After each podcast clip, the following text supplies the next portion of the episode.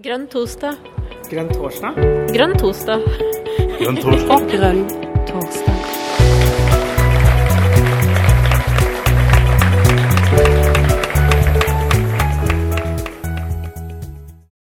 Da er det velkommen til Grønn torsdag. Det er hemmadagen i dag, var det det vi skulle kalle det? Nei. Det er MDGs funkispolitikk vi skal kikke litt på, og da har vi jo fått med oss Aurora. Vi har fått med oss Aurora. Det er riktig. Aurora Cobernus, uttalte jeg det riktig? Aurora? Helt riktig, overraskende nok. Ja. Um, jeg må si at jeg er jo utrolig stolt over det bidraget som du har kommet med til, til eh, det nye programmet til eh, Miljøpartiet De Grønne. Jeg vil påstå at nå har Miljøpartiet det mest inkluderende programmet av alle politiske partier som i hvert fall er på Stortinget i, i Norge. Og det er eh, mye på grunn av deg. Eh, og en fin gjeng du har hatt med deg da, for å hjelpe deg med det, selvsagt. Eh, Men du har vært en av de store drivkreftene. Så velkommen, Aurora. Jo, Ordentlig, tusen ordentlig takk. velkommen. Dette var jo ganske høy lovprisning, men jeg føler den faktisk er berettiget. Og det, det er jo en veldig god følelse. Ingen grunn til å være beskjeden her, nei. Nei. Ja. hva sier du, Jonas? Du er så stille. Nei, det er det, Nei, det, er det absolutt, absolutt ikke. Eh, Og jeg har også sett eh, at eh, programmet vårt blir omtalt som det mest inkluderende partiprogrammet noensinne. Og eh, det, da er det lov å være stolt. Eh, og, og føler på en eh, eh, Ja, en veldig berettiga god følelse. Så eh, jeg gleder meg til å høre på Aurora. Og dette her, Vi kaller det for grønn funkispolitikk. og Det er veldig mange som kanskje ikke helt vet hva dette er. og Dette er en av grunnene til at du er her i dag, Aurora. så Du skal hjelpe oss til å, å Du skal gi en introduksjon til hva dette her handler om. Eh, og fortelle litt om hva, hva det innebærer eh, å ha en god og grønn funkispolitikk. Eller god funkispolitikk, uavhengig av farge, for så vidt. Så jeg vet ikke, Skal vi bare overlate ordet til deg, Aurora? Jeg vet at du er god til å snakke, så eh, når jeg trykker, legger på en femmer nå, så er du antagelig godt i gang. Eh, Kjempetakknemlig for at du har kommet. Eh, Grønn funkospolitikk, kjør løs. Jo, tusen takk. Det første jeg vil starte med å si, er jo det at funkispolitikk handler ikke om hus. Det er det en del som har spurt meg om. Skal man nå lage en ny type bygninger? Hva slags arkitekturgreier er det MDG har bevilget seg ut på nå? Og til viss grad, jo, nå skal vi ha bygg som passer flere, og da kan jo funkismen til viss grad fra arkitekturen være, være viktig. Men først og fremst handler dette om folk, og det handler om rettigheter. Det handler om helt alminnelige mennesker, sånn som meg. Eh, akkurat som meg, faktisk, siden jeg selv er funksjonshemmet. Eh, og det handler om et samfunn som ikke helt har skjønt greia inntil nylig, og jeg håper at nå vi her i Norge kan snu litt og forstå mer hva det faktisk handler om, når jeg sier at jeg er funksjonshemma. Eh, fordi, som det kom opp til debatt på landsmøtet, hva er egentlig funksjonsnedsettelse? Hva er en funksjonshemming? Utviklingshemming, altså hva er disse begrepene her? Betyr det samme? Det Hvorfor bruker man det man bruker? Og da kan jeg jo røpe en, en hemmelighet at det er litt tilfeldig til en viss grad hvilke ord vi bruker eh, som mange ord i verden. Hvorfor, hvorfor gaffel, gaffel? ikke sant? Det er litt vanskelig å forklare noen ganger. Eh, men akkurat funksjonsnedsettelse det forklarer jo at en person har en nedsettelse. Det vil si at man eh, til viss grad har en annen funksjon enn- kanskje normalen. Det er ofte det man snakker om, at eh, man ikke fungerer etter den malen man kanskje tenker at mennesker er laget etter, eller slike ting. Og det er jo et begrep mange kanskje ikke helt har kjent helt- helt igjen i. I tillegg har man det veldig kjente ordet funksjonshemming, eller det å være hemma, funksjonshemma. Eh, og det handler jo da om at man er hindret i å utøve sin funksjon. Eh, det er den korte forklaringen. Men måten vi bruker ordene på i dag, funksjonsnedsettelse og funksjonshemma, eller det å ha en funksjonshemning, eh, det viser egentlig en helt annen måte å snakke på, som kommer fra FNs forståelse av menneskerettighetene til altså sivile mennesker, altså vi vanlige borgere i hele verden. Og det handler om at en person, eh, person kan være funksjonsnedsatt. Eh, vil si at man har en nedsettelse eh, til vi skal sammenligne med andre. Eh, det kan hende at du har vært atlet hele livet ditt, og så får du en ulykke, du knuser kneskåla, og så er du aldri helt den samme igjen. Det kan også være at du har diabetes, altså en kronisk sykdom. Det må ikke være noe som eh, kan ses, det må ikke være synlig. Det kan også være veldig synlig, men ikke påvirke, ut, altså, påvirke annet enn utseendet ditt. Alt dette er ulike måter å være funksjonsnedsatt på. Eh, og det er personen som er funksjonsnedsatt, man er ikke hemma egentlig. Man er en person med en funksjonsnedsettelse. Eh, så hvis du har følt at du har gått litt vill i jungelen av disse ordene, så er det første du kan lære å si, er at eh, jeg, altså det vil si meg, da, er en person med funksjonsnedsettelse, eller at du er en person med funksjonsnedsettelse. Du kan være funksjonshemma. Men når blir du hemma egentlig? Jo, det er jo når samfunnet rundt deg, eller der du lever og måten du lever livet ditt på, ikke fungerer. For det vil si at du møter på kanskje noen barrierer, eh, på norsk, da. Det kan være at du sitter i rullestol og tar T-banen, men så er T-baneglipen så utrolig stor at du ikke kommer på T-banen engang. Kanskje du må ta løpefart, rennafart inn i T-banen, og så skaller du inn i T-banestangen. Det har vennene meg gjort, og det har jeg sett, så det er ikke veldig behagelig. da, da, er samfunnet hemma. Men det er vi på en eller annen grunn som endte på å få ordet hemma. Det er ikke vi egentlig som er problemet, det er jo samfunnet som har laget ting som ikke fungerer for oss. Og på et eller annet vis er det vi som fikk merkelappen at vi er hemma. Eh, men sånn er det jo nå, sånn det er slik det er blitt, og da er det greit å si at det er vi som er funksjonshemma. Eh, noen folk som har vært funksjonshemma hele livet, har kanskje andre ord til og med som de har vokst opp med og syns det er greit å bruke. Så litt som med pronomen. Hvis noen sier at 'jeg vil ikke at du kaller meg funksjonshemma', si heller, og så kommer det et ord, da følger du selvfølgelig det de sier der. Det er akkurat som hvis du spør hvor er det du kommer fra, sier du Nesodden, og så sier han nei, jeg tror ikke på deg. ikke sant? Jeg vil, jeg vil si at du kommer fra Oslo. ikke sant? Da reagerer jo folk med vantro. Man kan ikke bare si sånt. Eh, så det er liksom greie ting å ha med seg. For de aller fleste av oss vil jo møte folk som er funksjonshemma, kanskje til og med daglig, eller eh, familieselskap på jobben, på trikken, på T-banen, eh, i båtfergekøer, altså hvor det skulle være, så er det noen som først da eh, du oppdager at er funksjonsnedsatt. Um, men så er dette det med å være hemma igjen, da. ikke sant? Og det, det er veldig vanskelig, for når vet man egentlig om, om personen har blitt funksjonshemma? Um, og det er ikke et veldig lett spørsmål å svare på. Uh, til enhver tid sier FN at rundt 5 av verdens befolkning har en funksjonsnedsettelse. Uh, det er jo ganske mange i hele verden. Det er jo veldig mange personer. Nå er jeg veldig dårlig med tall, så jeg klarer ikke å huske hvor mange tall Det, det er for veldig mange folk av disse syv milliardene i hele verden. Og det betyr jo at det er veldig vanskelig å lage en verden som passer for alle. Og det er jo på en måte vant med. Vi lærer fra barndommen av at vi må lære at ting er ikke rettferdig, selv om vi skulle ønske at det var det. Men i denne verden som ikke er perfekt, så er det mindre perfekt for noen, og oftere. Eh, og det er ofte for folk som f.eks. har en bevegelseshemning, eller som har audiovisuelle nedsettelser, som gjør at de kanskje ikke klarer å forflytte seg på måten de vil. Eh, fordi samfunnet har laget disse barrierene de ikke klarer å overkomme på egen hånd. Eller kanskje de klarer å komme over dem, så er det veldig vanskelig å bli veldig sliten i etterkant. Da har man laget et samfunn som er så kronglete og krøkkete at folk blir funksjonshemma. Det kan også være at eh, det er brann i et bygg, og så har man brannvarslere som bare piper, og som ikke lager lys. Og så sitter det et par døde folk og snakker videre med seg selv og sitter i et møte og merker ikke at eh, brannalarmen går. Eh, da er det også funksjonshemma, for da er man jo i reell dødsfare. Fordi samfunnet har glemt å lage brannvarsler som varsler for alle. Nå er det ikke slik at alle døve trenger Eh, brannvarsler med lydlys. Men fordi det finnes døve som trenger brannvarsler med lydlys, som da blinker og som lager pipelydene, burde samfunnet derfor ha det i offentlige bygg og i boligene til de folka det gjelder. Og man vet jo aldri hvor disse folka er. Kanskje de tar seg tur på kino en dag. Kanskje de drar og låner bokbiblioteket. Man vet jo ikke hvor folk er til enhver tid, for vi har jo ikke GPS på oss. Vi kan jo ikke vite det til enhver tid. Vi kan ikke planlegge og vite det på forhånd. Så derfor må samfunnet til enhver tid være tilgjengelig for flest mulig alltid. Og Det er en veldig viktig grunn til at universell utforming er så viktig, og er en av hovedkampsakene til f.eks. Norges Blindeforbund. Det er jo at man skal ha universell utforming i det offentlige rom. Mange tenker ja, men det gjelder da kun bygg. Og hvis vi har universell utforming med bygg, og vi har en viss standard, så er problemet løst. trenger alle tenke det igjen. Problemet er at universell utforming er ikke statisk det som gjør ting enkelt og tilgjengelig for én, kan gjøre det mer utilgjengelig for en annen gruppe. Så dersom du er blind, kan hende du trenger en sånn ledelinje å, for å følge eh, f.eks. gjennom eh, togstasjonen, så du kan komme til riktig plattform. Men for en annen kan en sånn ledelinje gjøre at du i rullestol snubler og sliter med å komme deg over. Du må ha sats, du må ta en jump.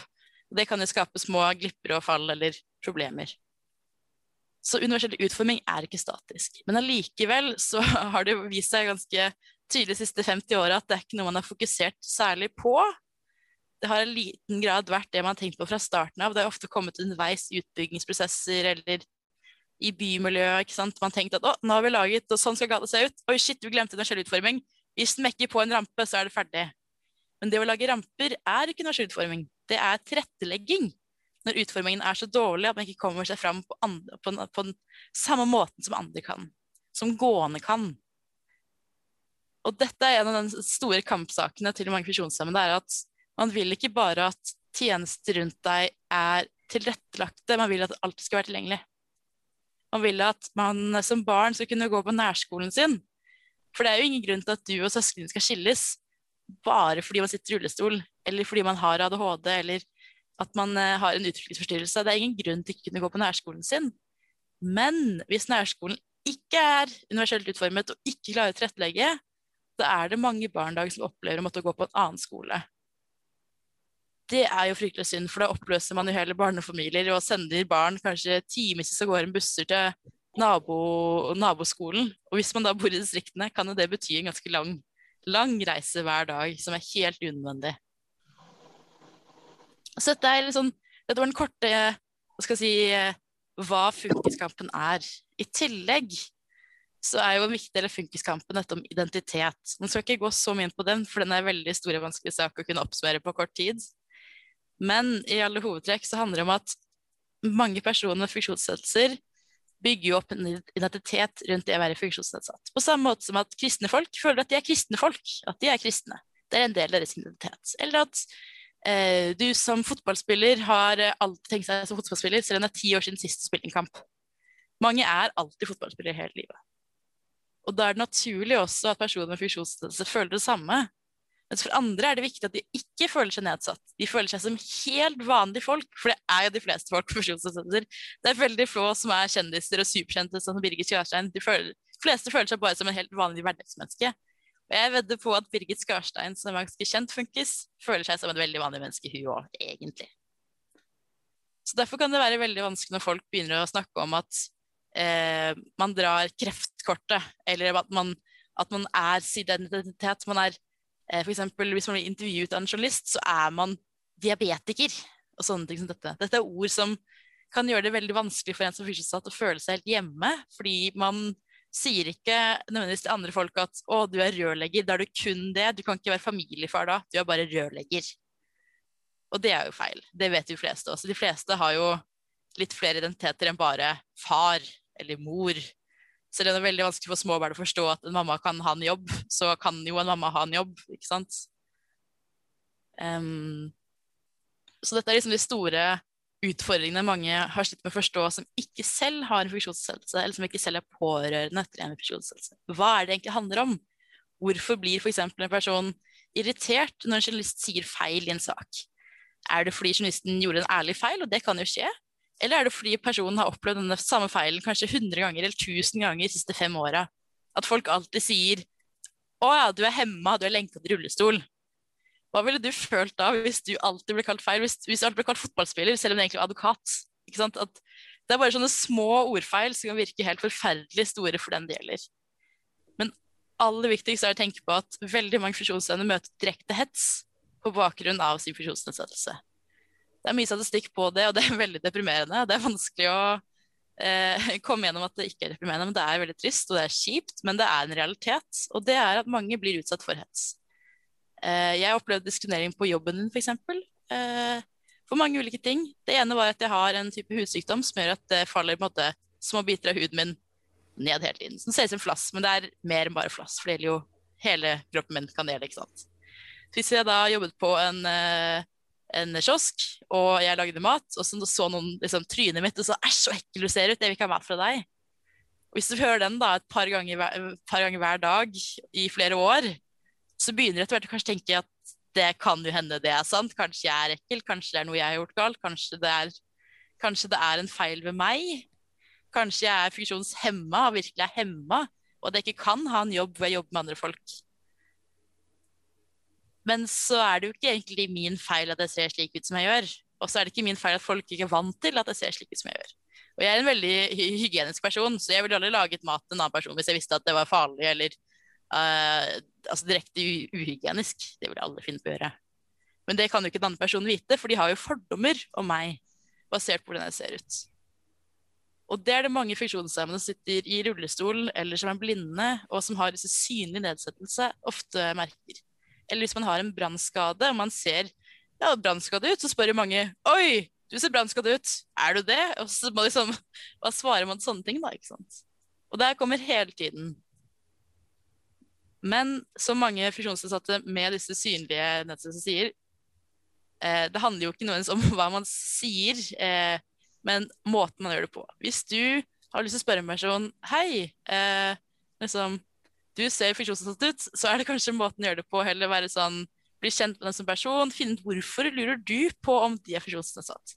Er det fordi at dere jobbet sammen i flere år, og du har merka en ting og lurer på liksom ja, kanskje vi har det samme. Jeg tror, jeg tror vi begge to har psoriasis, at vi begge har sånne eksem på albuene. Ja, det er ikke sant, så da slår man av en prat. Det er hyggelig. Eller er det sånn inkvisisjon for å finne en feil ved andre mennesker, ikke sant?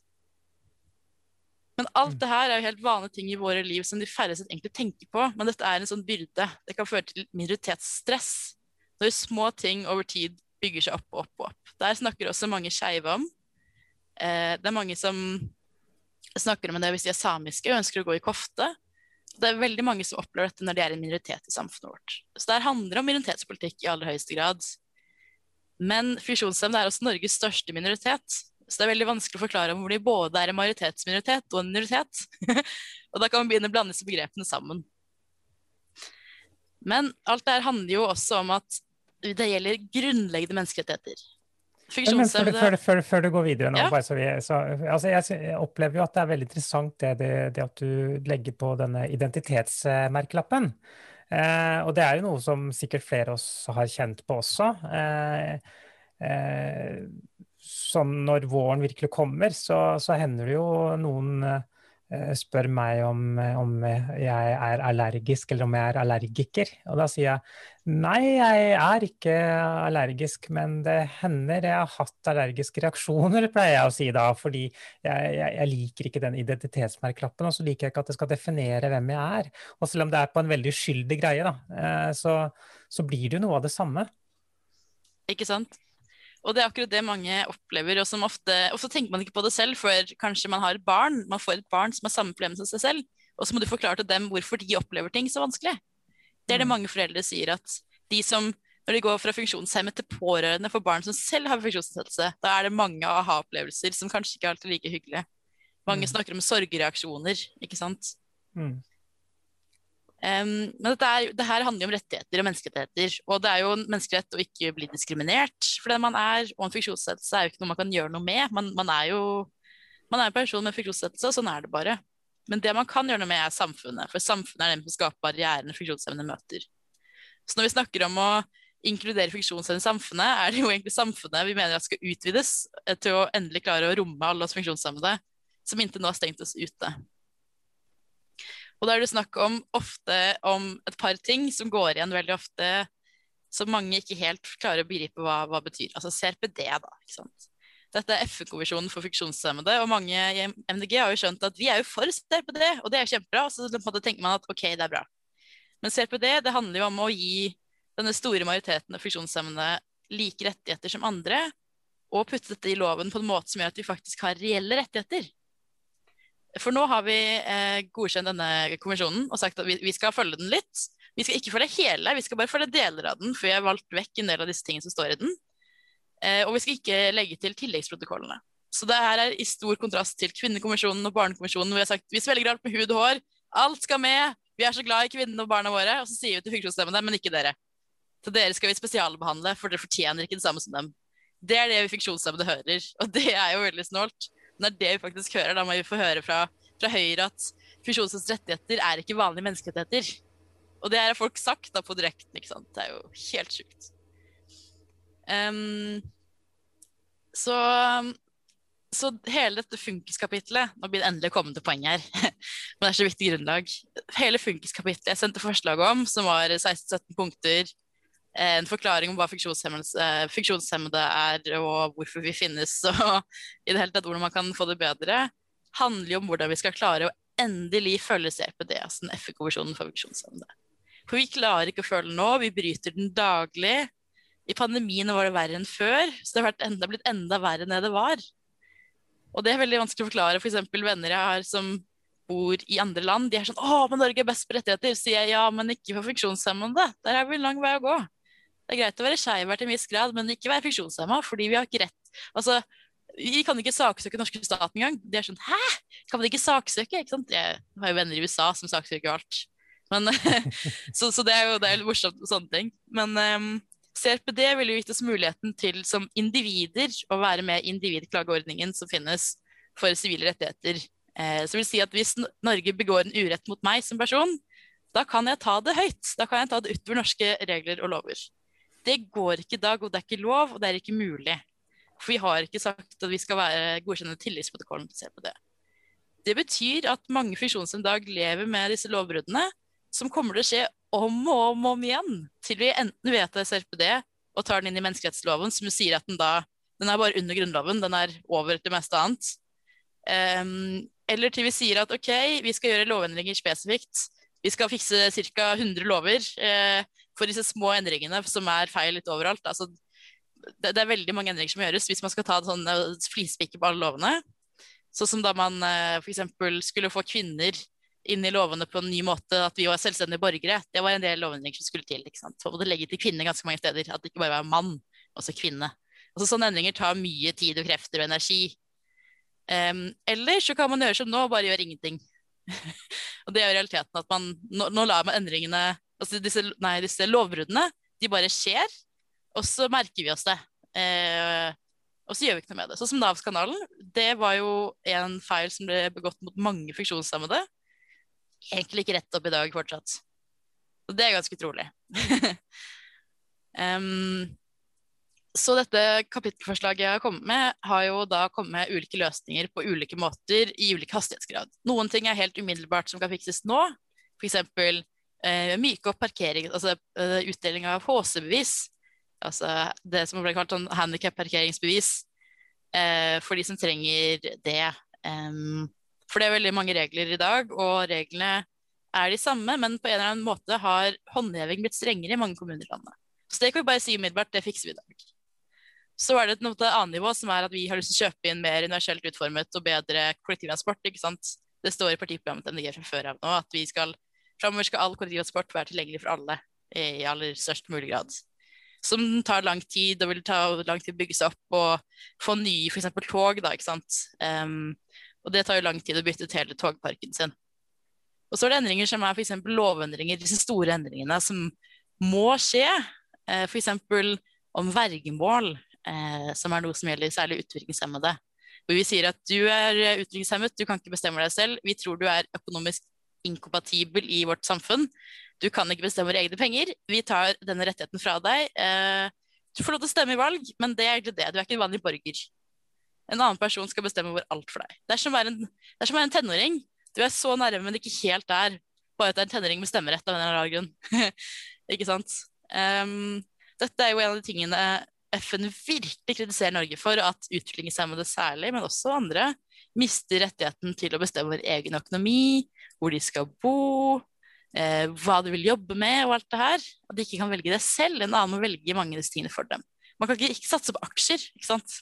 Uten at personen signerer for deg, hvis de er enig, gitt at de er enig. Um, og Det er en endring som går til lang tid. Man må ha en utredningsprosess, man må finne en modell som fungerer, man må komme med lovforslag, det må bli enig til Stortinget. Alt det tar lang tid. Når, når, når, du fremstiller det sånn, dette er jo grove overtramp? Ja, det er jo det. Alle er helt enige om det. Unntatt regjeringen.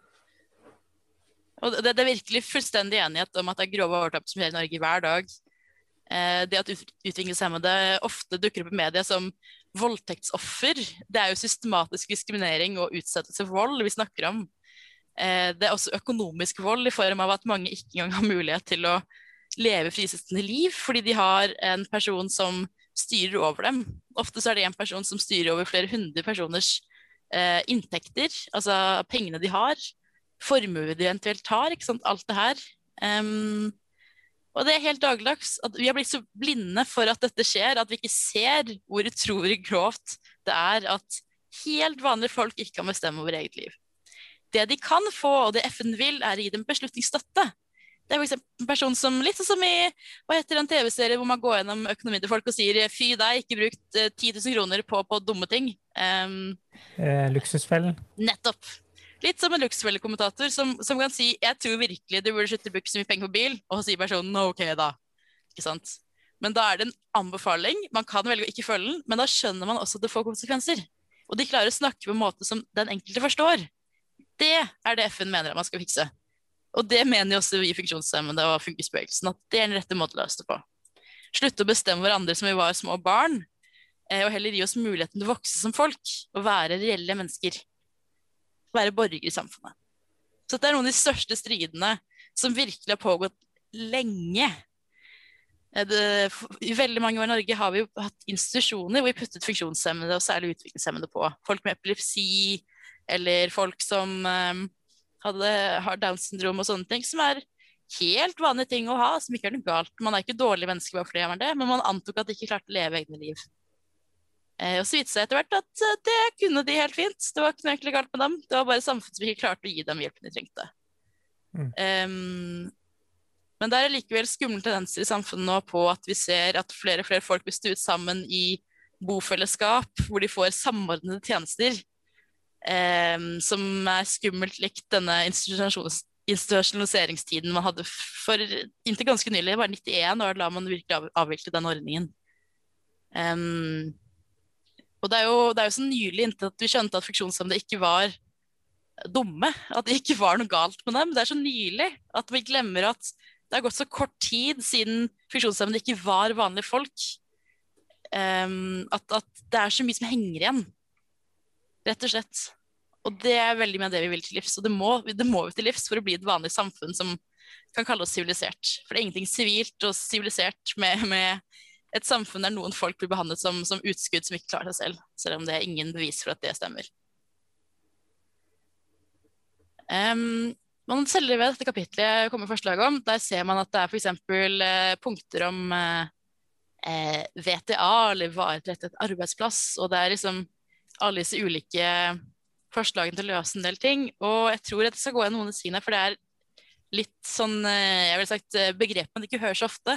Um, Sånn som dette med at um, man kan få en varetrettet arbeidsplass. Det er en ordning som kanskje virker litt rar, for det er først og fremst uh, personer med utviklingshemning, ikke nødvendigvis, men ofte, uh, som er uføre eller venter på å være, bli ufør, som får lov til å jobbe i en type bedrift hvor de ikke egentlig får penger selv, uh, men de får mulighet til å ha et verdig, verdig arbeid. Og det er litt nøkkelordet i dette kapittelet. Man ønsker en verdig arbeids, arbeidssituasjon, en verdig hverdag hvor du som menneske kan fungere på en best mulig måte og trives med livet ditt. Eh, for mange ønsker å bidra i samfunnet, men får ikke muligheten. Eh, det er jo statistikk som sier at, eh, fra SSB i 2020 som sier at 105 Nei. 100 000 pluss 5000, det er 105 000 Nei, jeg klarer ikke å si det her. 100 000 pluss 5000 mennesker venter på arbeid og å komme inn i arbeid, men får ikke arbeid. Og dette er av de funksjonshemmede. Og vi må huske at ja, det var en pandemi, men det gikk fra 100 000 i 2019 til 100 000 pluss 5000 til eh, som ønsket å jobbe, men ikke fikk det. Så det økes. Antall folk som vil jobbe, men ikke får det til, økes. Mens arbeidsledigheten jo gjorde et dramatisk hopp, det gjorde det jo. Men det var høyere stigning i antall arbeidsløse og de som mistet jobb i, blant den funksjonshemmede befolkningen. Det kunne man se i sine undersøkelser. Um, man kan, jo merke for at jeg er ikke helt best på tall. Det er ikke helt min greie lenger. Jeg kunne før tall veldig godt. Um, men sånne små ting som dette burde jo ikke hindre at man ikke kan få en god jobb. Allikevel så er det mye som viser seg at når man søker jobb i dag, så blir man diskriminert. Uh, det var en undersøkelse som ble publisert bare forrige uke som viste at når man sender 1200 jobbsøknader hvor halvparten hadde ordet funksjonshemmet eller satt i rullestol i søknaden, mens den andre ikke hadde det, så ville være 5 lav sannsynlighet for at den som hadde eh, rullestol i søknaden sin, fikk jobb. Altså direkte diskriminering, når man da kunne se at eh, like søknader på helt like vis eh, ble, ble sånn, tatt inn, men ikke de med rullestol i seg. Det er snåle greier. Det handler om fordommer, ikke sant. Så Derfor må jo dette kapitlet her hanske opp med fordommer, det må hanske opp med lovbrudd. Det må også hanske opp med håndheving av loven som gjøres feil. F.eks. at hvor du bor påvirker hva, hva slags hjelp du får. Bor du i én bydel i Oslo, kan du få mye hjelp, f.eks. som BPA eller eh, brukerstyrt eh, personlig assistent eller eh, borgerstyrt personlig assistanse. Eh, mens bor du i en annen bydel, altså i samme kommune til og med, får man ikke det. Fordi de mener at man ikke, eh, man ikke har prioritert det godt nok i budsjettene, eller man har tenkt at eh, selv om det er samme behov begge stedene, så trenger du det ikke den ene bydelen. Fordi man tror hjemmesykepleie er tilsvarende like godt. Det er direkte feil. Eh, så mange personer som har flytta f.eks. fra Finnmark til eh, eh altså, gamle Finnmark fylke til Troms, kunne oppleve å få enda mer hjelp enn før eh, når de sendte ny søknad etter flyttingen. Eller motsatt, at de flytta kanskje fra et sted i Kanskje de bodde i Arendal, flyttet til Risør, og så plutselig fikk de mer hjelp av en eller annen grunn fordi postadressen deres hadde en eller annen effekt. Det er veldig rare ting, men det her skjer hele tiden. Og det handler jo om at kommunene har såpass stor grad av selvstyrerett og råderett til at funksjonshemmedes liv og rettigheter ikke ivaretas uh, godt nok. Um, så er, denne balansen er veldig vanskelig. Uh, kommunene skal jo til viss grad selvfølgelig bestemme over midler selv, men de skal ikke få lov til å bryte menneskerettighetene av den grunn. Det er jo ikke greit. Og menneskerettigheten er jo det at man skal kunne få midlene man trenger til å fungere i liv, uh, eget liv. Det å Hvis du som Hvis du ønsker å stifte familie, skal du få midler du trenger til å stifte familie. ikke sant? Eh, uavhengig om det er funksjonsnedsatt eller ei. Eh, dette er jo selvsikkerheter for de fleste, men mange opplever at barnevernet blir tilkalt på dem hvis de sier at jeg sitter i rullestol og vil ha barn. Det er jo ingen grunn til at du i rullestol ikke kan få et barn, ikke sant. Det er jo ikke noe Du blir ikke dårlig mor eller far eller eh, medmor eller medfar bare fordi du sitter i rullestol. Det er jo ikke noe Ingen sier egentlig det, men dette tror folk allikevel. Eh, og så er det mange av disse snåle reglene som blir praktisert. sånn at Det finnes regler om hvem kan få lov til å studere mens man får Nav-støtte av ulike typer støtter. Og så er det regler som sier at du kan ikke få det hvis du ikke er over 23 eller 25 år. og så er det masse regler på det her. Det betyr at vi er hele eh, tusenvis av folk som bare går rundt og venter på å fylle 23 eller er det 25, så de endelig kan begynne å studere fordi de ikke klarte å fullføre videregående. For det ikke fantes et godt nok tilbud der de bodde, og det ikke finnes tilbud for dem på en annen måte. Men de har lyst til å fullføre en god utdanning så de kan få en god jobb. Og de har lyst til å jobbe, og de gjør alt de kan for å jobbe, men de går bare og driver dank i flere år, for de får ikke lov til å jobbe og studere tidligere. Dette er regler som setter diskriminering virkelig liksom, som om det var rett og som lov. Dette er jo ting MDG ikke tjener noe på, for vi er jo for at man bruker ressursene sine på best mulig måte. Dette er virkelig essensen av grønn funkispolitikk. Det er jo å forstå at vi som funksjonshemmede er en kjemperessurs. Ikke bare fordi at det koster penger å gi oss penger, eh, så vi kan eh, bli uføre og ikke gjøre noe, mange av oss vil jo ikke være uføre, vi har lyst til å jobbe, men får ikke jobb. Og man kan ha søkt i flere tiår uten å få jobb. Det er sjukt. Det er faktisk helt utrolig sjukt. Jeg kunne ikke tenkt meg å være arbeidsledig i 10-20 år. Hvis du har blitt arbeidsledig under pandemien, tenk deg da å fortsette med det i en uviss periode resten av livet ditt. Det er en ekkel følelse bare tenke seg til. Og sånn lever mange funksjonshemmede i dag. Og dette er liksom noen av de virkelig store, store, problemene man vil til livs. For man vet jo det at når man ikke har en verdig hverdag der du føler deg som et vanlig menneske, da er man i større risiko for å utvikle en dårlig psykisk helse. Um, noen, eh, noen faller helt ut i samfunnet, blir isolert. De ønsker ikke å være lenger, de ønsker ikke å delta i samfunnet. De har ikke mulighet til å delta i samfunnet. Um, mange ønsker f.eks. å bidra i frivillig arbeid eller idrett eller kulturliv og prøver så godt de kan med det, men møter hele tiden hindre hele veien. Og dette er jo helt unødvendig. Mange ønsker kanskje å ha en familie, men så får de ikke hjelpen de trenger for å stifte familien sin, så de kommer aldri helt i gang. Eh, og det kan risikere at de da kanskje blir for gamle da, til å få en familie, særlig da hvis de er uh, feminine og har eggstokker. um, de har jo en viss klokke på seg. De blir jo etter hvert litt, litt dårligere for barn med. Um, men alt det her er jo utfordringer som kan løses. Og det er det som grad handler om. Det er jo det å bruke ressursene på en god måte, og det å løse det her. Um, og jeg tror at vi har fått veldig mange verktøyene som allierte i andre parti ikke har. De har mye praksis på god fylkespolitikk, men det de ikke har, er De har ikke alle disse gode løsningene ennå. De har mange ideer om hvordan man burde gjøre det, om at ting skal være likestilt og likt, og det er veldig bra. Men mange har en litt dårligere politikk, tror jeg rett og slett, på, på den reelle forståelsen av hva funksjonshemming er, og hvordan man løser problemene. Det tror jeg vi nå virkelig har klart å få til, å forstå og vise at vi forstår. Um, bare det punktet vi har om at vi skal aktivt lytte til dem det gjelder, at vi skal gå til funkisorganisasjoner og be dem om hjelp for å komme og videreutvikle vår politikk. Det er bare det beste sett i partiprogram noensinne. Uh, det er virkelig så fantastisk godt. Det tror jeg f.eks. er det Elisabeth Thoresen heter i AAP-aksjonen kommer til å sette pris på når jeg går i møte med henne en vakker dag og sier Hei, vi har gitt deg det du ønsker. Vi har politikk som sier at dersom vi kan gjøre, gjøre, gjøre noe med det, så skal vi gi folk som går på arbeidsavklaringspenger og som er uføre, de skal få det reelle løftet de trenger. Her er politikken på det. Vi anerkjenner at vi må gå i dialog med dere, for ting endrer seg. Vi er her for å være med på å spille på dere gode. Um, for det er slik det blir godt samfunn. Tusen eh, hjertelig takk, eh, Aurora, for en eh, knallgod innledning. Nå er det sånn at vi åpner for at folk kan få lov til å tegne seg. Og mens dere gjør det, så vil jeg gjerne, jeg vil gjerne spørre deg om en ting. da, og det er det går på på en måte kategorien personer med funksjonsnedsettelse. fordi jeg, jeg, lurer jo veldig på hvordan skal vi få til å bygge ned de fordommene da, eh, som, som, du snakker om, og tenker at Um, veldig ofte så handler det jo bare om det handler om at folk mangler kunnskap. At man mangler på en måte eh, å ha møtt eh, en person med en funksjonsnedsettelse og på en måte eh, forholdt seg til det i sitt eh, e-, eget liv. Og eh, at det kanskje snakkes for lite om. Da. Det er på en måte, og Spesielt når det ikke er veldig synlig. Så jeg bare lurer på Én ting er jo på en måte at vi som politisk parti og som politikere så har vi jo et ansvar for å aktivt inkludere og ikke bare passivt si her er det åpent for alle, vær så god, kom hit.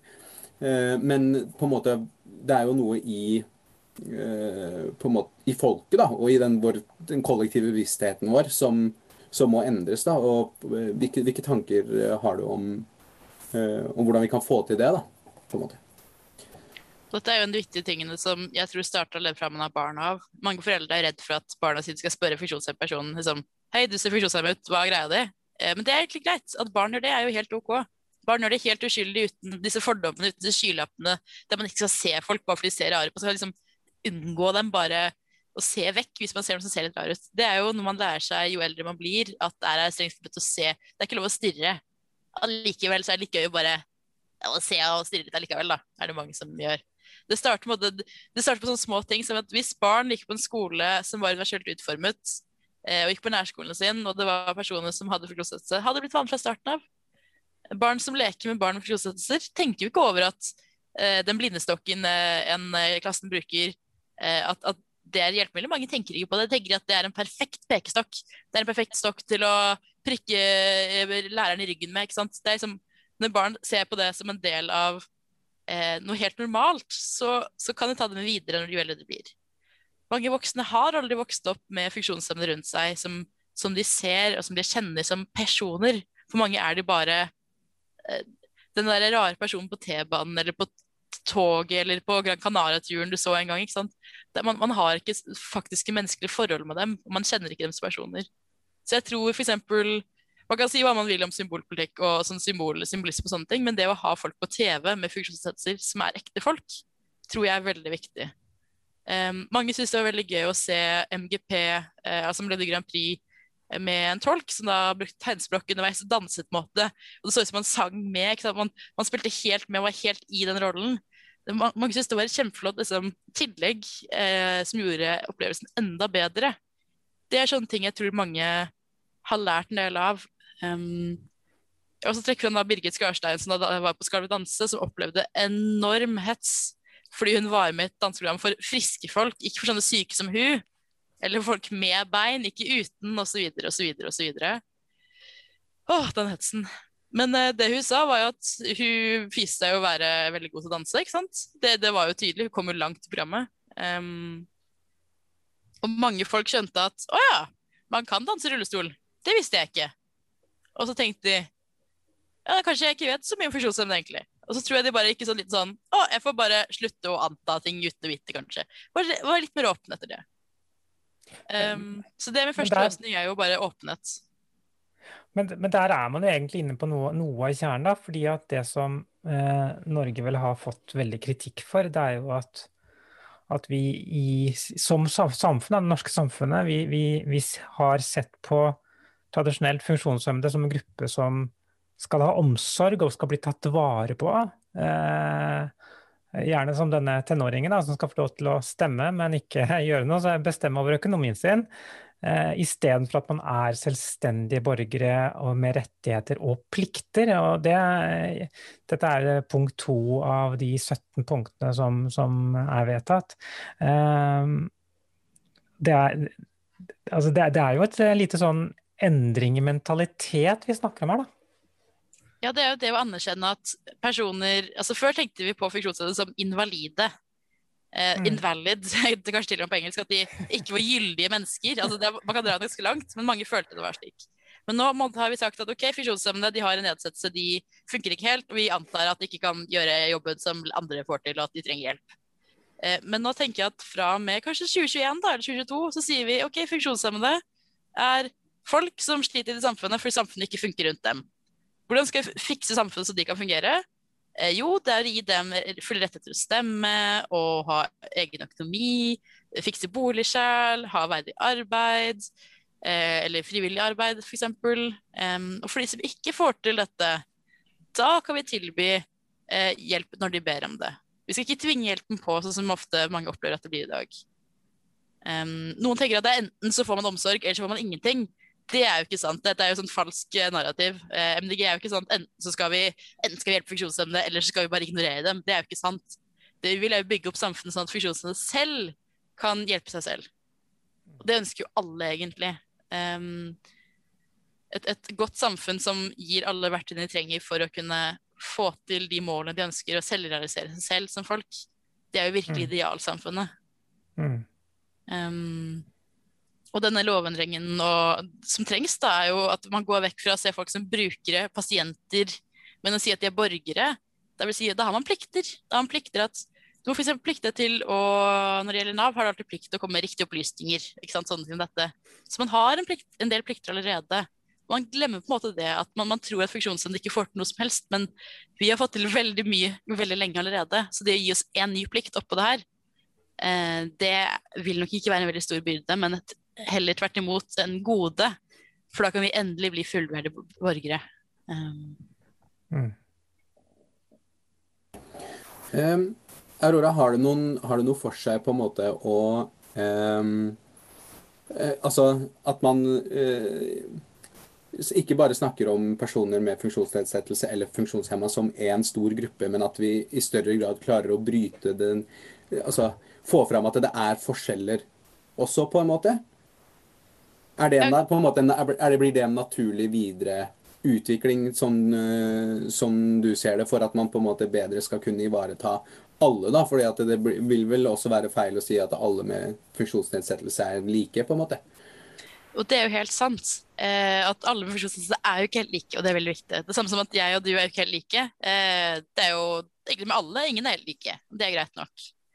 Men det som er litt praktisk når man snakker om funksjonshemmede som gruppe, er at man anerkjenner at gruppen er variert.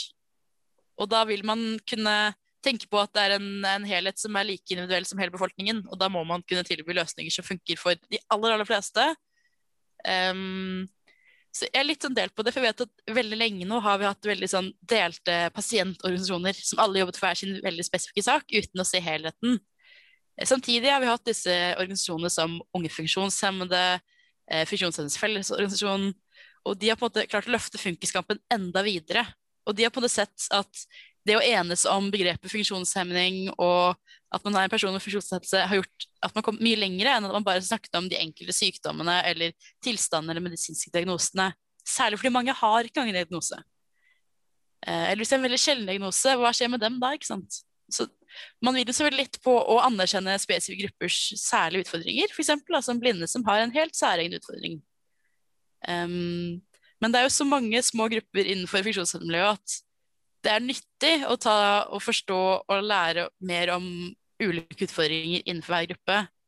Um, men man kan, ikke se, man kan ikke bare se skogen for bare trær eller motsatt. At det blir sånn Det er en viss balansegang. Uh, det er en viss nytte i det, det tror jeg helt sikkert. Men uh, det er ikke det viktigste akkurat nå. Ja, takk. Jeg forstår veldig godt uh, det, det, det, poenget, tror jeg, da, om at det Altså samfunnet eh, selv om det på en måte oppleves ulikt for eh, personer som har forskjellige eh, former for eh, funksjonshemming, så, kan, så, opplever jo alle kanskje en, den ekskluderinga fra samfunnet som gjør at det gir mening å være eh, å sammen som en gruppe. da. Um, og så eh, legger jeg jo merke til det punktet nummer 14 om at, å utrede om BPA-ordninga bør fullfinansieres av staten. og Det eh, er jo en ganske interessant diskusjon, fordi um, det er, dette er vel egentlig kanskje for viktig til at kommunene skal kunne nedprioritere det, på en måte? Er det litt det som er tanken bak uh, å skulle ha en sånn utredning, eller hvor kommer, hvor kommer det fra? Så dette med finansiering det baserer seg litt på hva man setter i dag, at det ikke fungerer. Eh, og så har jeg på en måte lest meg opp på hva de ulike eh, eh hva skal vi si, funkisorganisasjonene mener, og så litt hva disse mm, BPA-selskapene mener, og hva de syns er lurt. Og det jeg ser at det er helheten, er at de aller fleste er for at det mer eller mindre skal finansieres helt av staten, men man har kommet med gode innspill på hvorfor kommunen også bør bistå med litt. For da, når kommunen er med på å bestemme hva pengene brukes på, så har man også mulighet da å kunne til viss grad gjøre ordningen bedre, og det er mer demokratisk og, og slike ting. Så at hvis det er bare staten som bestemmer om en ordning som gjelder så lokalt i folks hjem, eh, så er det litt, litt sånn Det er en veldig god diskusjon. Eh, jeg kunne diskutert her i flere timer, men jeg tror det, det, gode, den gode oppsummeringen er å si at er, eh, hvis man sier 95 da, er av staten og 5 av kommunen, så vil man kunne flytte på seg uten å miste tjenestene. Man vil kunne eh, bevare alt det gode, men fortsatt gi kommunene eh, initiativer da, til å videreutvikle ordningene eh, og til å følge med på hva som skjer. da. Takk, Aurora. Gode tanker. Karina, vær så god. Det er så hyggelig når noen kan gi meg ordet. Um, det er I chatten så har det blitt stilt et spørsmål som jeg gjerne vil stille til Aurora. og, og og det lyder som følger. Hei, Miljøpartiet De Grønne vil ha bilfritt by i Oslo. Og det betyr at parkering tas vekk. Men da tar dere vekk mye HC-parkering eh, også. Eh, det har vært debatt eh, for det, for det en, en, stund siden på dette, men, men hva skjer nå? Ja, og det syns jeg er et veldig godt spørsmål. Fordi eh, jeg har selv oppdaget at ok, parkeringsplasser forsvinner rundt i hele byen. Men blir det flere HC-parkeringsplasser sånn spesifikt, eller færre? Så jeg sjekket det, og så har det blitt flere med flere hundre. Siste er det tre årene. Eh, så har det kommet over 200 nye parkeringsplasser i, i, i Oslo by. Nå vet jeg ikke hvordan man definerer Oslo by helt nøyaktig, fordi det er litt sånn vanskelig definisjon. Um, men det jeg la merke til som jeg synes er veldig oppsiktsvekkende og utrolig skummelt, er at det er blitt færre folk som har HC-bevis disse tre årene. Den har sunket det var flere folk i er det 2018 som hadde HC-bevis, altså lov til å bruke disse plassene, enn det var i 2019 og 2020. Det er ganske sjukt. Så man har fått flere plasser, men færre som får lov til å bruke dem? Ja, og det jeg tror har skjedd, og det er det noe som egentlig ingen egentlig har ønsket, er at det har skjedd en eh, endring i håndhevingen av reglene. Som gjør at selv om man har flere plasser og flere kan bruke plassene, har man begynt å si at færre kan få HC-bevis, selv om veldig mange som får HC-bevis, får det fordi de har livsvarige eh, altså kroniske sykdommer, eller eh, f.eks. funksjonsnedsettelser i form av eh, at man trenger en rullestol, eh, f.eks. Og mange sitter i rullestol, vil gjøre det hele livet, og det er rart at da dette tallet synker. Det gir ikke så mye mening. Det burde jo egentlig steget, for vi blir flere folk i Oslo. Og da er det en reell nedgang som virkelig er utrolig kjip. Eh, for det betyr jo at færre folk i Oslo har mulighet til å bruke et viktig likestillingsverktøy vi har. Så det ene endringene jeg har kommet med til kapittelet, er at vi skal styrke den ordningen sånn at flere får den. Eh, og så se på da f.eks. om personer med utviklingshemning til viss grad kan eh, omfattes av ordningen. Det er f.eks. mange småbarnsforeldre som sier at de sliter med å få barn med eh, autisme da, rundt i byen. Eh, fordi det går ikke an å ha dem eh, på lange bussturer, f.eks. hvis man bor litt utenfor byen. Eh, hvis man ikke bor i Oslo, hvis man kommer kanskje fra eh, et sted utenfor Narvik, så blir det litt lange reiser. Da kan det være veldig vanskelig å ha med eh, barn på disse reisene. og når man da ikke kan parkere i nærheten av butikken, så gjør det det enda vanskeligere. Og det anerkjenner jeg veldig. Og det er også en grunn til at vi da må se på om reglene vi har i dag er gode nok for å faktisk fange opp de som er bevegelseshemmet. Eh, for du kan være bevegelseshemmet på mange ulike måter, men du kan også ha andre nedsettelser som gjør at du trenger å ta eh, F.eks. at du ikke kan ta kollektivtransport. Eh, det kan også hende det ikke finnes kollektivtransport i kommunen din. Og da er det mm. enda større grunn til å ha mange HC-plasser i bykjernen og f.eks. ved tog og sånne ting, når det endelig da er et sted med kollektivtransport. Eh, og da har jeg også kommet forslaget Nei, det var ikke jeg som kom forslaget, men en annen som hadde forslag om å eh, ha mer distriktsordnet transport. Og da er det mulig f.eks. å ha dør-til-dør-transport. Her i Oslo har vi rosa busser for eldre som kan brukes innenfor hver enkelt bydel. Men den ordningen er så vellykket at man kan jo se på om det er muligheter for å gjøre dette f.eks. For, for andre grupper enn eldre. Eh, kanskje det i noen kommuner ville vært en god idé å ha egne si, blå busser, som blå som i si, HC-bevisfargen, ikke sant. Eh, for eksempel, eh, hvor funksjonshemmede da kan gå fra Kanskje direkte fra butikken og hjem, eller til pub, eller til butikken og osv. At de bare kan ta disse reisene eh, på den måten de selv vil, uten å måtte ha BPA med bil. Eh, uten å ha foreldre med bil, uten å ha venner med bil, eller en samboer med bil, eh, for å komme seg fram. Eller f.eks. Mm. folk med alvorlige allergier som kan få anafylaktisk sjokk hvis de går på T-banen og spiser en appelsin. Det er dårlig stemning å risikere å dø bare fordi du har lyst til å komme deg fram. Um, og de dekkes ikke helt nødvendigvis av disse ordningene i dag, og det er jo fryktelig synd. Nei, og så trenger vi kanskje ikke nevne at det er kanskje flere som trenger et HC-bevis på vei hjem fra byen enn på vei til byen, men det er vel av andre årsaker som uh, ikke nødvendigvis skal berøres av denne ordningen. Um, jeg, har jeg har et spørsmål til, fordi at det er et punkt som går på, på bostøtte, og det lyder som følger at alle uføre som lever på minsteytelser, må komme inn under bostøttens inntektsgrense og sikre at disse samordnes om unge uh, uføres minsteytelse øker. Jeg syns det var en veldig tung setning. Kan du forklare det for meg? Ja, så Grunnen her er at hvis man sier den på en annen måte, risikerer man den reelle endringen Altså at det blir ikke redaksjonelt å endre på den setningen. For hvis man bytter ut ord, blir det plutselig en helt annen betydning. Så jeg prøvde mm. kjempelenge å skrive om den.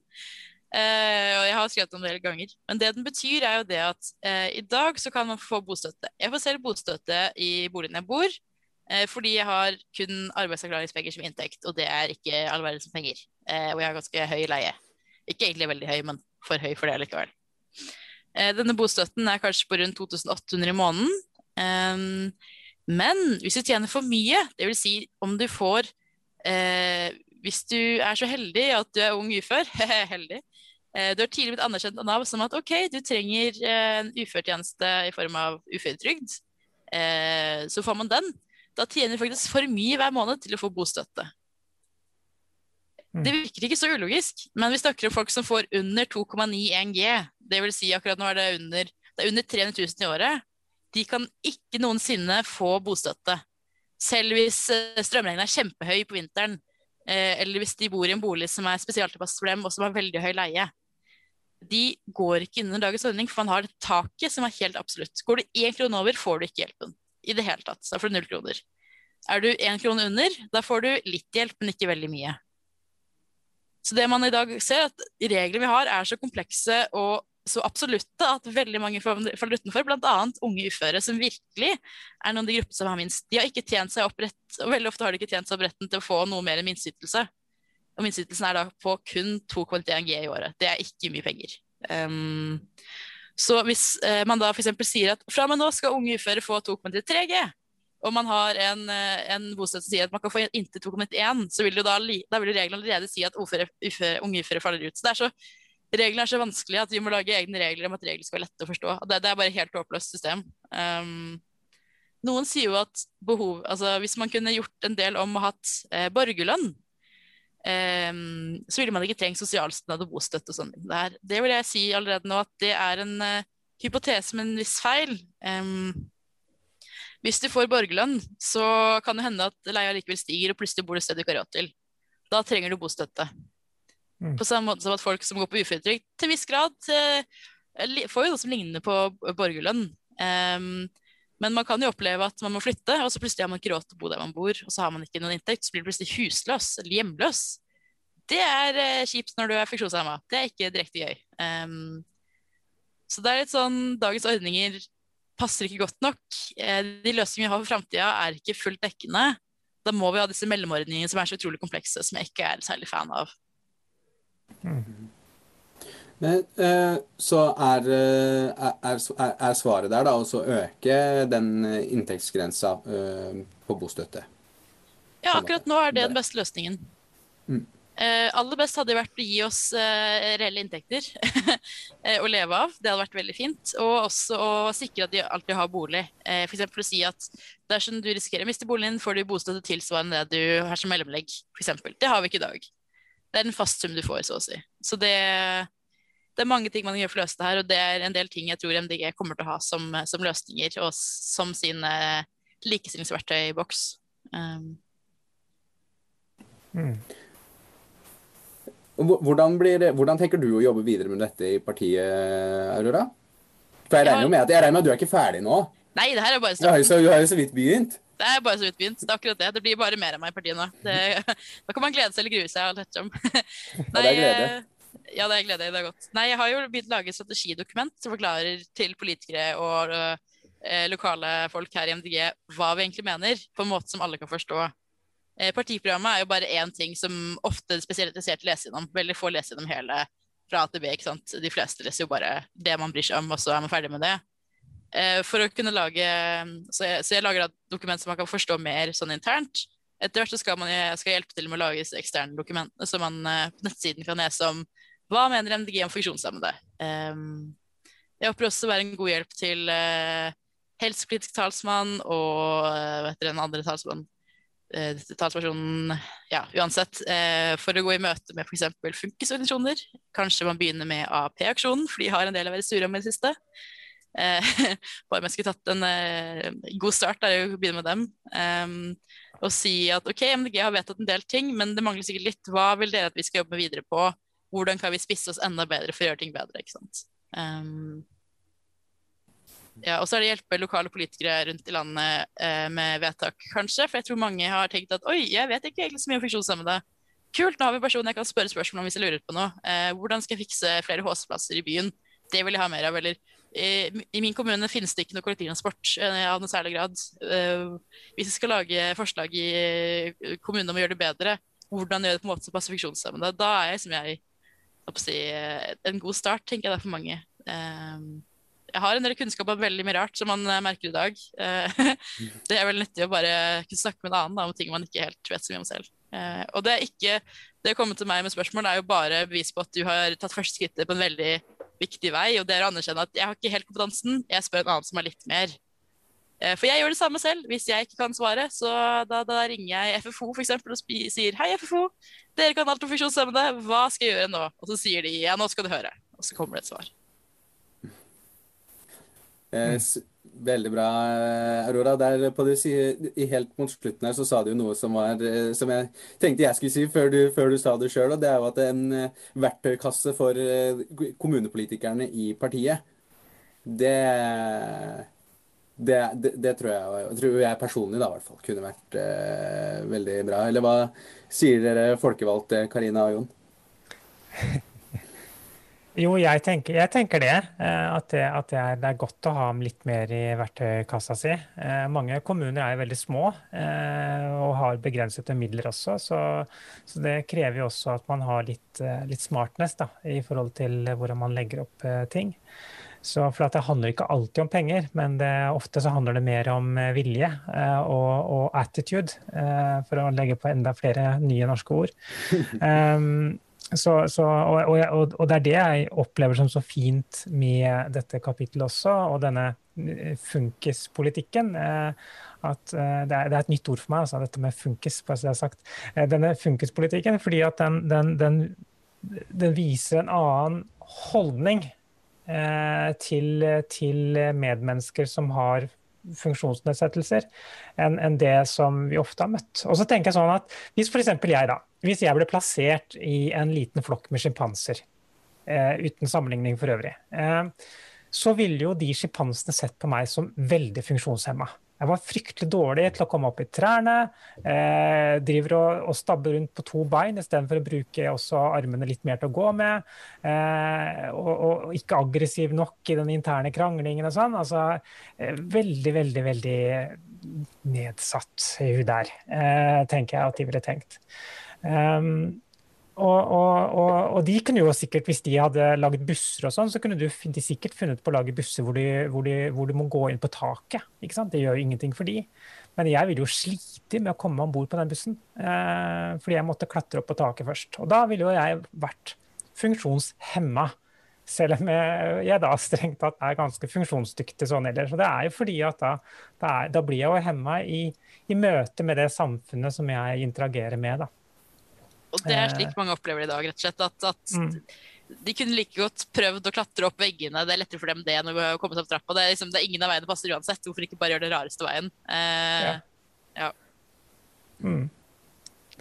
Så ja jeg, jeg, jeg, jeg, må si, jeg må si jeg, er, jeg er som sagt veldig stolt av dette, dette kapitlet. Fordi, rett og slett fordi at den, den viser en, en holdning da, som, som, jeg, liker, og som jeg føler er veldig ett med den grønne filosofien også. Så, så, og, det, og, det, setter jeg veldig stor pris på at du har vært med på å utarbeide, Aurora. Vi er for så vidt kommet til veis ende. Har du noen siste ord du ønsker å si før vi runder helt av, Aurora? Altså, den beste måten å forbedre funkispolitikk grønn eller ellers, er jo det å snakke med folk om den, og det å dele kunnskap man lærer om her. Eh, særlig hvis man da er folkevalgt, eh, tillitsvalgt eller hva det er, i partiet eller eh, til og med fra andre partier. ikke sant? Det, jeg, jeg, har kjempelyst til at Arbeiderpartiet stjeler hele programmet og kopierer og gjør alt samme. For det betyr at jeg får rettighetene mine. Så det er sånn, det er bare send det her til alle du kjenner og si MDG har funkiskapittel. Eh, finner du ikke svaret her, da har jeg en person du kan spørre. Spør Aurora.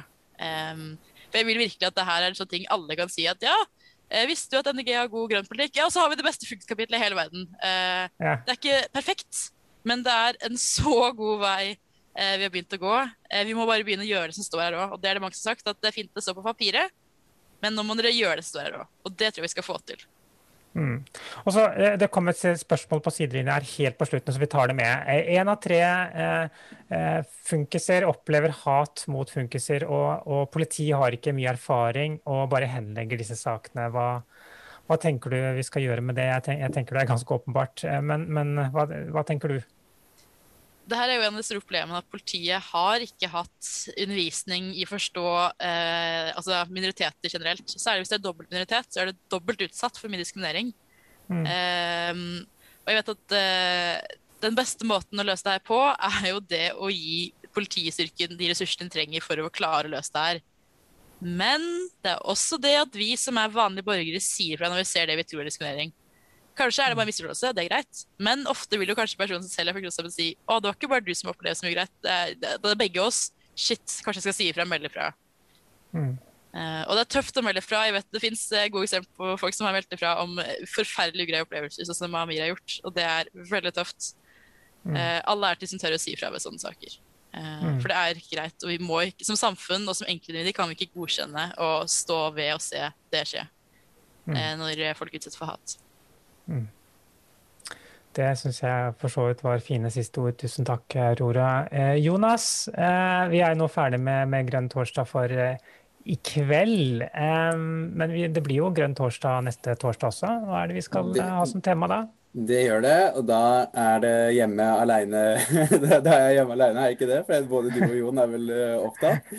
Det er riktig. Eh, så Og det skal handle om ja, ja, da blir, det, da blir det fest med smultringer. For det skal handle om smultringsøkonomi. Eh, og da får vi besøk av eh, Ellen Chong, som er leder i Tønsberg MDG bl.a. Og hun skal holde en eh, innledning for oss. Så jeg håper jo at alle vil bli med på det. Det kommer til å bli veldig gøy. Så smultringøkonomi, altså. Eller donut economy, som det heter på nynorsk? Det stemmer. Ja. Da er jeg nesten litt lei meg for at jeg ikke kan være med, at du må leke alene. Men eh, jeg kan jo, kan jo, si at jeg har gyldig fraværsgrunn. Jeg skal være, delta i en debatt om et, om et verneområde, så jeg syns det også har en verdi. Nok en gang tusen takk, Aurora Cobernus, for ditt bidrag, eh, og for at du har vært her hos oss og delt av kunnskapen din. Alle som eh, har vært her, og alle som har sett på og hørt på, og de som hører på dette etterpå, eh, vet nå at de kan kontakte Aurora hvis de har spørsmål knyttet til god, grønn funkispolitikk. Og etter hvert som tiden går, så vil de fleste tillitsvalgte i MDG også få dette innunder huden, regner jeg med. Så nok en gang du ha, og da sier jeg tusen takk for i kveld, og velkommen tilbake neste torsdag. Ha det.